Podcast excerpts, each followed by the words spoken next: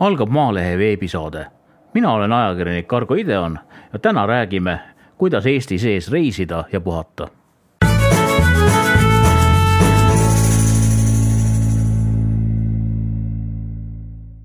niisiis, mis võimalusi pakub Eesti inimestele praegu kohalik siseturism ja kui kättesaadav see tegelikult on? minu vestluskaaslased on täna MTÜ Eesti Maaturism nõukogu esimees Anneli Kana ja Maalehe ajakirjanik Ivar Soopan. kriisiaegadel, kui iga klienti tuleb meelitada kohale tavalisest suurema vaevaga, sageli tehakse ka sooduspakkumisi ja allahindlusi. aga kolleeg Ivar kirjutas Eesti siseturismist värskes Maalehes põhjaliku loo ja see algab kohe väitega, et kohalikud turistide vastuvõtjad on nüüd võrreldes kriisieelse ajaga hindu juba tõstnud. Anneli Kana, kuidas teie pilgu läbi see olukord tundub? Kas turismitalud ja majutusettevõtted tõesti küsivad juba inimestelt rohkem raha kui eelmisel kevadel? tere hommikust! lugesin juba selle artikli kenasti läbi rida-realt ja sõna-sõnalt natuke olin kurb, et selline pealkiri sai, sest äh, ma kuidagi päris ei saa nõus olla, et puhkamine Eestis sellel aastal nüüd just maaturismi poole pealt kallimaks läheb. Ja mina julge küll öelda, et, et meie ettevõtted ja ettevõtjad on hindu tõstnud. küll on see siis jah, äh, päris õige, nagu selles artiklis ka äh, ka ühe ettevõtja Ene Sillamaa väide kõlas, et, et nad on meil optimaalsed ja me ei saa sealt üksikklientidele väga palju hindu alla lasta, sest, sest noh, nad ei ole niigi tohutu suure kattega ja maaturismi ettevõtjad ei ole kindlasti need, kes rikkaks saavad, vaid need on elustiili ettevõtjad, kes toidavad niimoodi ära iseenda ja võib-olla maksavad palka veel ühele-kahele inimesele. see väides, et, et hinnad tõusnud äh, nüüd kriisi ajal või kriisijärgselt on, ei, ei tohiks päris nii olla. Ivar Soopan aga ma ütlen siia kohe vahele, et kui me nüüd loeme seda pealkirja, siis see pealkiri ütleb, et siseturism kosub krahhist, kuid suurt allahindlust loota ei ole. jah, sellega olen täiesti see, nõus. see on, see on, see ei ütle kuskil, et, et hinnad on kas üldse tõusnud või palju tõusnud, see ütleb, et kui inimene loodab suurt allahindlust, siis seda loota ei ole ja seda on mitmel pool ka mm -hmm. loos inimesed sellest räägivad. Ja sel-, sellega olen täiesti nõus, aga, aga nii nagu seal sai ka öeldud, et et eks meie, meie tegevused on suuresti natuke suurematele gruppidele kui üks pere, kes tuleb äh, maaturismi ettevõtte või turismitalu õuele ja veedab seal mõnusalt aega, võib-olla peatub ka üheks ööks. et kindlasti äh, saab selle hinnaga natukene mängida suuremate gruppide puhul ja, ja, ja ka võib-olla mõne lisateenuse puhul, et äh, seda kindlasti. Ja mis mulle meeldis seal, et just nimelt see mitte ainult maainimesed, küllap on praegu kõik ettevõtjad suhteliselt paindlikud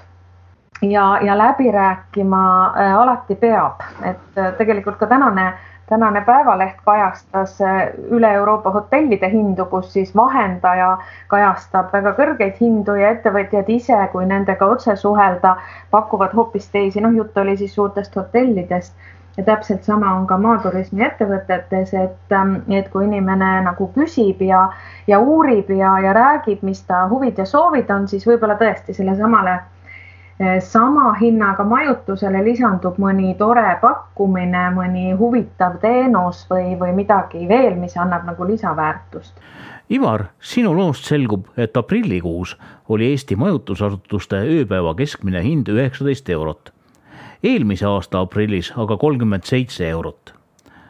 samas me ilmselt peame siin meeles pidama, et aprill oli koroonaviiruse epideemia ja eriolukorra haripunkt, kus väga vähesed julgesid üldse nina kodunt välja pista. praegu ei ole ju olukord enam selline ja muidugi ei ole ja, ja kuna see on kõige värskem info, mis Statistikaametilt oli saada, aga see lihtsalt näitaski, et kust me seda suve alustame, et, et millisest põhjast me seda alustame et hinnapõhi on äh, aprillikuus oli, oli tohutu, aga noh, siin peab kindlasti märkima, et, et see äh, aprillikuu üheksateist eurot keskmine äh,, selle viis alla ikkagi linnahotell, et selle viisid alla suured ketihotellid, kindlasti kohe just nemad, kus on külastatavus kukkus praktiliselt ikkagi nulli. Ja, ja neil oli võimalus või isegi sundus äh, oma hinnad äh, täiesti põhja lüüa, paljud olid juba lausa kinni, et, et kus noh, sisuliselt kinni. et, ähm, et see on see põhjus, miks see hind nii alla kukkus, et maaturismiettevõtted ikkagi ei mängi niimoodi ja ei mänginud ka koroonakriisi ajal sellisel moel hindadega, et, et nad, neil ei ole see lihtsalt võimalik ja ei ole mõttekas hakata mõne üksiku külastaja pärast tegema poole väiksemaid äh, ööbimise pakkumisi ja, ja kui tullakse, siis tullakse ja kui tulda, siis saadakse hakkama, sest et tihtipeale ju ka ööbid elatakse ise selles turismitalus või siis äh, puhkemajade ettevõtte kuskil läheduses, et, et saab ka lahti hoida niisama no mina juhtusin ka nägema ühte sellist eripakkumist või reklaami äh, Tallinna äh, ketihotellis, kus pakuti ööbimist ühe euro eest. aga kui ma siis läksin ja klõpsasin sel pakkumisel, siis selgus, et äh, kõik toad on kuni suve lõpuni välja müüdud ja kampaania esimesel päeval siis selle info järgi müüdi kolme tunniga ära nelisada kuuskümmend tuba. aga praegu on võimalik seda tuba saada kolmkümmend viis eurot ühele või nelikümmend eurot kahele inimesele. no pole ka muidugi maailmas kohutavalt kallis hind, paljudes maailma linnades ma rõõmustaksin sellise hinna üle, aga selleks, et kõrvaltänavas lihtsalt äh, olla huvi pärast äh, kolmkümmend viis eurot nagu maksta äh, väga, väga ei taha. EAS-il oli ka küsitlus, kus küsiti inimestelt, kas nad suvel kavatsevad Eestis reisida ja selle järgi üle poolte inimeste kindlasti tahavad mõne Eesti-sisese vaba aja reisi teha. aga kui siis vaadata, kas keegi neist kavandab ka ööbida mõnes tasulises majutuskohas, siis sellist kulu tahavad teha vähesed. Anneli, kas äh, see on tõesti nii, et inimesed reisivad, aga no hotelli nad väldivad või selliseid tur turismitalusid? Nad nüüd otse ei väldi, eks see sõltub natukene reisi pikkusest, et kui me nüüd räägime, ma ei tea, siin Tallinna või Põhja-Eesti inimestest, kes näiteks lähevad saartele, siis noh, seal nad ikkagi ju otsivad mingi majutuse, sinna ei minda Hiiumaale või Saaremaale väga ei tasu, et hommikul lähen ja õhtuks koju tagasi ja et mida kaugem see reis on, seda tõenäolisem, et ikkagi otsitakse, jah, kuigi inimesed kirjutavad, et nad äh, külastavad ja majutuvad sõprade, sugulaste, tuttavate juures, eks ka see on õige, aina rohkem on meil meil inimestel selliseid suvekodusid, kus üheks ööks äh, üks-kaks külalist on ju teretulnud. Ja praegusel ajal eriti, kus inimesed ei ole ka omavahel kokku saanud, on ju rõõm seda suurem ja ilmselt ollakse nõus ka seal sõbra või sugulase toreda maamaja hoovil telgis ähm, magama kasvõi. aga ma usun, et leitakse ikkagi need kohad ja eriti sellised puhkekülad, kus on olemas peretoad, võib-olla on seal mingi köök, kus saab ise süüa teha, et nendesse kindlasti minnakse rohkem, et võib-olla sellist vaikset ja eraldatud kohta ei, ei leitagi alati ülesse ja, ja eks üks põhjus on ikka ka see, et see, see minek on suhteliselt spontaanne, et ohoo, täna on ilus ilm, võiks, võiks ühe tuuri teha. ja, ja kui siis kohe ja kiirelt kuskilt internetist eh, võimalust ei leita, siis kas tullakse sellel päeval koju tagasi või, või vaadatakse ja, ja olgem ausad, ega meie maaturismiettevõtted ei ole ka ju kohe suure tee ääres, nii et, et nende leidmine on ka selline mitte keeruline, aga, aga natuke peab teadma Mm -hmm. et jah, kokkuvõttes saab öelda, et sellist äh, massilist ähm, üksikute kahekaupa või perega majutust äh, ega ei ole ju kunagi väga olnud, et ikka, ikka pigem, pigem natukene teistmoodi. No mina küll julgustaksin äh, inimesi sel suvel just minema nendesse puhketaludesse ja turismitaludesse, et mida külastatakse tõesti statistika järgi ikkagi üsna vähe et siin see EAS-i küsitluses äh, eelistatud ööbimiskohtade seas oli ka, äh, see oli tuhande inimese küsitlus, et äh, eelistan külalistemaja või hostelit ainult neli protsenti, eelistan eraldi puhkemaja ainult neli protsenti, eelistan turismitalu ainult kaks protsenti. Mhm. et see on ikka äärmiselt vähe ja võiks ikka inimesed minna just nimelt turismitaludesse ja väikestesse kohtadesse, mis asuvadki suurest teest eemal Äh, mina olen neid väga palju külastanud äh, ja nüüd selle artikli tegemise käigus ka sõitsin kahte kohta küll, aga see Männiku metsatalu, kus ma käisin Viljandi külje all, no noh, paremat kohta üldse raske ette kujutada suviseks puhkuseks. suitsusaun, ujumisvõimalus, pügatud muru, põlispuud, köögiga toad, no ma ei tea, noh, ja kakskümmend kuus eurot koos hommikusöögiga. noh, see on see, ma ei leia, et seda, seda on palju ja, et ja kusjuures sa võid selle hommikusöögi sealt äh, ära jätta ja, ja teha ise köögis süüa ja, ja saada umbes kahekümne euroga see öö kätte, et noh, milleks äh, nagu üldse kuskile mujale minna, et aga noh, sellest tasuta ööbimistest veel ma just võtsin ette praegu statistika, et eelmise aasta statistika, et kokku tegi, tegid Eesti elanikud eh, eelmisel aastal eh, sisereisidel oli siis kõikide majutuste ööbimiste, tähendab ööbimiste arv majutuse liigi järgi võttes oli kokku kuus koma seitse miljonit ööbimist. ja ainult kaks koma kuus miljonit ööbimist sellest oli siis tasulises paigas. ehk siis äh, neli kom-, äh, neli miljonit ööbimist olid siis tasuta paikades, need on siis kas endale kuuluv eluruum kuskil teises maakonnas või, või piirkonnas, majutus tuttavate ja sugulaste juures kolm koma neli miljonit, noh, see on tohutult suur arv Äh, et noh, need numbrid näitavad, et jah, et eestlane siiski noh, ei taha väga sinna tasulisse kohta minna. no ja samas, kui on võimalus olla tasuta, siis miks noh, nagu peakski. aga noh, see teeb meid jälle väga haavatavaks sellest äh, välisturismist ja selle ärakadumisest.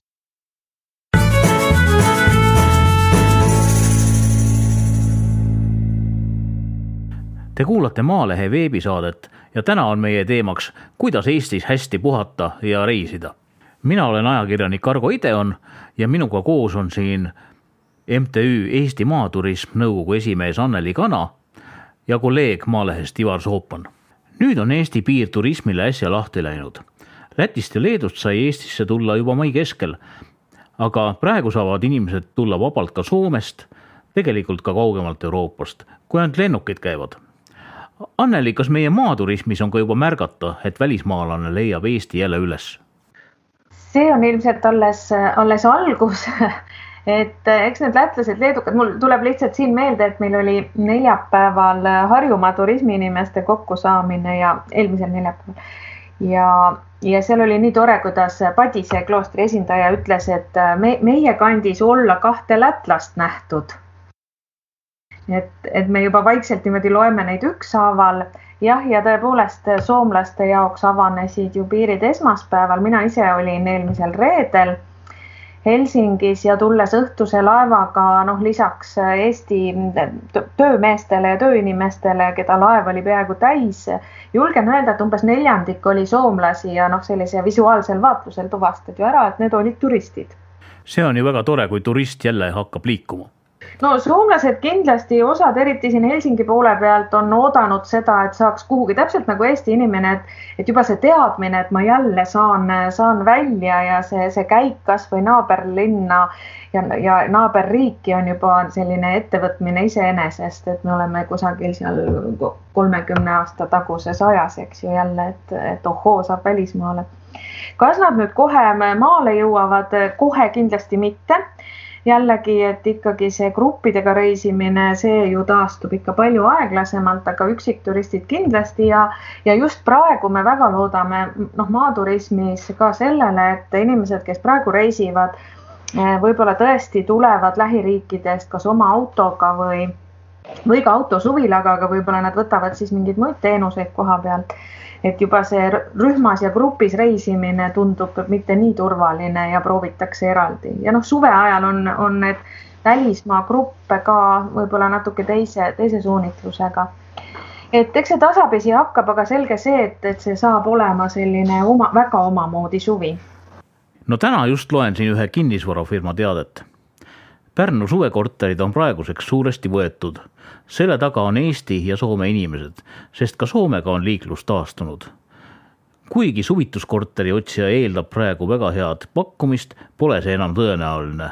praegu mingeid sooduspakkumisi pole. no siin tundub, et juba saab turism vähemalt meie kuurortlinnas oma hoo jälle sisse no aga miks mitte, see on ju hästi loogiline ka, et see niimoodi läheb, et võib-olla üks turg, mis äh, see aasta ei, ei noh, võib-olla kannatab, on need suvekorterid ja mis välja üüritakse suhteliselt kalli raha eest, et kuna ma ise elan Haapsalus, siis, siis ma ju näen, et üüriturule on tulnud terve hulk kortereid, mida varem siin ei olnud, sest need olid ainult lühi, lühiajaliselt nädalavahetusteks välja üüritud suvisel perioodil kus küsiti ka üüratuid summasid, et need on nüüd tegelikult turul ja mille pärast neid on turule saanud tuua, on see, et, et ei ole festivale, et ei ole neid rahvarohkeid üritusi, kus kümme tuhat inimest tuleb ühte punti kokku. Ja, ja väga lühikese perioodi jooksul äh, tekib äh, hotellikohtade ja kõikvõimalike muude ööbimiskohtade puudus ja siis on saanud neid korterid ülal pidada. et see turg kaob ära ja aga noh, kui vaadata nüüd Pärnut, siis no ilmselt noh, Pärnu on alati suurem turismi eh, keskpunkt kui, kui siin teised linnad eh, väljaspool Tallinnat, et, et seal ilmselt ka isegi see turg veel jätkab. aga samas, kui vaadata nüüd neid kulutusi ka, et täna tuli ka Swedbanki rahaasjade teabekeskuse uuring, tellitud uuring siis tuhandese valimiga. et, et üllatav on see, et Eesti elanikud väga vähe säästavad selle nimel, et, et puhata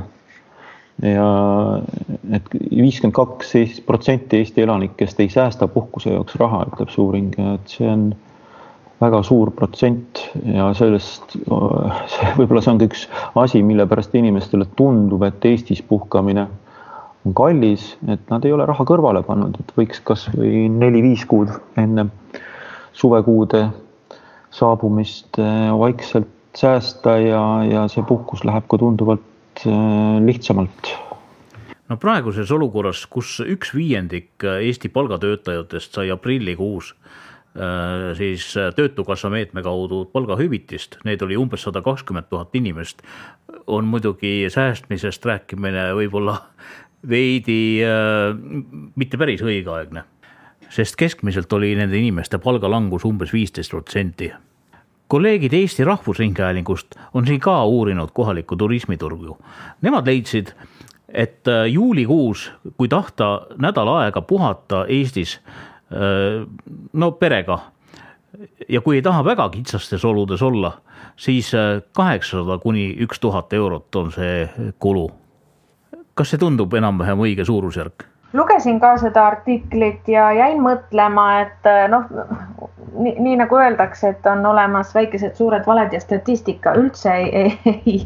ei taha statistika kohta halvasti öelda, aga ükskõik, mida me niimoodi uurime, võtame, võtame mingi näite, seesama, tuleme tagasi tänase Maalehe ja, ja Ivari artikli juurde, siis, siis kui artikkel tehakse äh, nii-öelda internetiuuringute pealt võetakse võib-olla mingid tõesti tippaja hinnad, siin ma pean küll tegema natuke tuhka pähe raputama ja ütlema, et ka meie oma liikmete seas on, on ettevõtjaid, kes ei ole isegi selle pausi ja kriisi ajal väga hoolega oma kodulehte vaadanud. Ja sealt võib leida väga kummalisi asju, võib-olla ka kõrgeid hindu, mis ei vasta üldse tänasele päevale. klient läheb ja, või, või vaatab, et ohoo, selline hind. Ja ei küsigi ja selgub, et need on tõesti, ma ei tea, kahe aasta taguse või eelmise aasta tippsuve hinnad et, et see võib ka üks põhjus olla, aga, aga just sellesama näite juurde, et, et kui ühes kohas on see kakskümmend kuus eurot, siis noh, et kuidas me selle tuhande kokku saame. et selliseid näiteid võib tuua ju hästi-hästi erinevalt ja, ja eks selle, selle hinna sees võibki saada midagi luksuslikumat ja just seda privaatsust ja sageli millegipärast Eesti inimene ütleb, see, see tuntud ütlus, et milleks ma maksan pere eest tuhat, no vot, ma ikka lähen ja, ja kaheksasaja eest elan nädala neljakesi Türgis. Need on kaks täiesti erinevat asja, ma ei vaidle ja Türgis on kindel, et teil paistab päike, on ilus ilm, aga seal on ka väga kindel, et selle hinna eest olete te massturismi sihtkohas. Te olete koos äh, kohas, kus on umbes kakssada hotellituba. Äh, kui inimesed teaksid, ma ei tea, võtame või Egiptuse, millistes tingimustes ja kui palju saavad selle hotelli töötajad tegelikult palka, mina olen ise turismiinimesena agendireisidel käinud ja, ja ausalt öeldes peale seda kadus, ma olin küll Egiptuses ühe öö ainult olnud, aga mul kadus igasugune tahtmine sinna kunagi oma raha viia, sest see oli õudne. ja, ja, ja me sööme seal sööki, mis, mis ongi tehtud hommikul viiesajale ja mis on sageli tehtud e-numbritest, julgen ma öelda nii et need ongi natuke võrreldamatud. loomulikult ühel hetkel me vaatame rahakotti, mõtleme, kas me tunneme ennast kõik hinnas ja võtame sealt hotellibaarist, ma ei tea, mingeid jooke ja, ja mõtleme, et, et oi kui tore ja näe, näe, olen nagu rikas inimene, aga vot Eestisse ma oma raha ei vii. no see on inimeste vaba valik, aga, aga see, see taustsüsteem on ikkagi täiesti, täiesti erinev et jah, kindlasti on Eestimaal võimalik siis pere peale tuhat, mis tähendab, et kui see on neljaliikmeline pere, siis see on kakssada viiskümmend eurot inimene ja kui see jagada seitsme päevaga, siis. saatejuht ütleb siin vahele, et ühe päeva ja ühe inimese kohta sel juhul tuleb äh, eelarve kolmkümmend viis eurot ja seitsekümmend senti et kui me nagu sedapidi arvestame, et mida sa selle, selle ühe sööpäevas selle, selle hinna eest saad ja selle eest peavad ka Eesti inimesed siis palka saama selle töö eest, see toit, mida sa sööd, maksab midagi. nii et, et see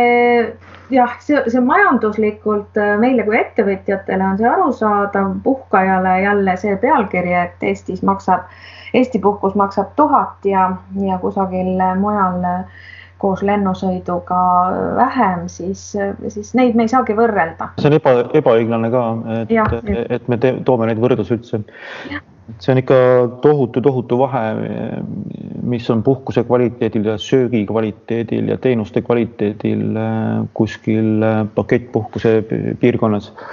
ja Eestis, sest et noh, kasvõi need turismitalud, kus äh, hommikusöögiks on äh, kodus valmistatud eh, leib, hummus, eh, noh, kõik asjad, mida Barberi kook, eh, mis viib lihtsalt keele alla ja, ja see mul on tuua selle... siia, mul on tuua siia võrdlus, et Maaturismi Ühing korraldab igal aastal oma, oma liikmetele, oma ettevõtjatele ühe sellise õppereisi, kus me käime erinevates riikides. Need on täiesti rätsepa tööreisid absoluutselt maapiirkondadesse meiesuguste ettevõtjate juurde on käidud alates Gruusiast ja lõpetades, ma ei tea, Prantsusmaa, Šotimaa, kõikide selliste kohtadega. viimane sügis, eelmine sügis olime Kreekas, Kreeka põhjaosas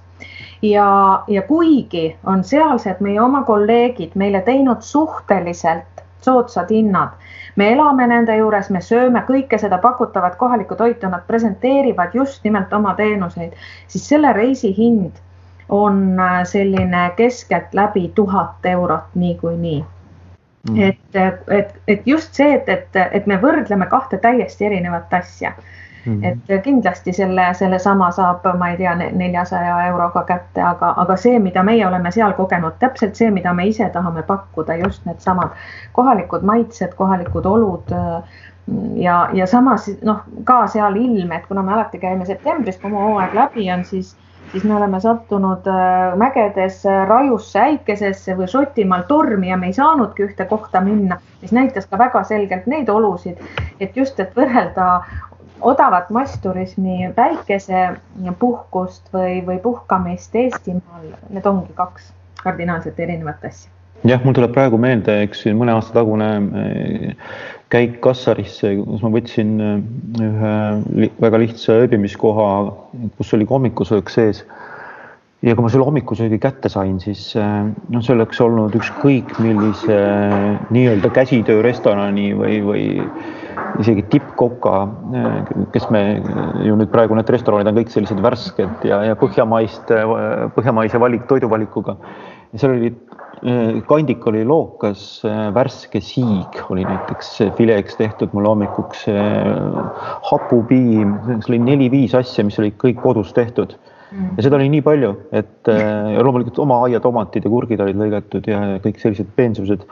mis tegelikult tunduvad ju tavalised, aga, aga need on kõik inimese enda kasvatatud ja nõudnud vaeva. ja, ja see maksis kas viis või kuus eurot ja ma lihtsalt ei suutnud seda ära süüa ja ma ei suutnud, sest ta oli liiga palju ja ma ei suutnud ka aru saada, et kuidas nad suudavad nii väikese raha eest mulle seda hommikusööki pakkuda. aga nemad pidasid seda isegi, ütlesid, et mõni ütleb, et see on kallis, et, et me oleme ka mõelnud, et äkki peaks langetama hinda. no seda sa ei saa välismaalt, seda. jah, et, et mida meie inimene ise vahel teeb, siis ta nagu seda, täpselt sedasama tomati kasvatamise hinda kuidagi ei arvutagi, et eks ma ju ja. mööda minnes panin seemne ja mööda minnes siin mm -hmm. kasvan ja kõigi muude asjade sees ja samal ajal noh, see sellesama väärtus, kas sa sööd siis seda E-numbritest äh, vahuks tehtud magustoitu või, või, või sellist toitu see sai meie arutelu käigus vist küll täna selgeks, et Eestis on võimalusi hästi puhata, toredasti reisida, ka mõistliku hinnaga. võtke see nädalavahetus või miks mitte ka terve nädal ja kindlasti saate mõne toreda elamuse. suur aitäh, meie saatekülaline, vabaühenduse Eesti Maaturism nõukogu esimees Anneli Kana. aitäh! Ja... ja mina kutsun, mina kutsun inimesi korraks heitmagi pilk meie kodulehele maaturist.ee, kus meil on tegelikult selle kevade ja suve spetsiaalsed pakkumised põnevate tegevuste ja võimalustega välja toodud, nii et meie oma selline hüüdlause on maal on elu, nii et tekitame seda elu siis puhates juurde. seda kindlasti. Ja suur aitäh ka kolleeg Ivar Soopon mina olen ajakirjanik Argo Ideon ja me kohtume järgmistes Maalehe veebisaadetes hoopis uute teemadega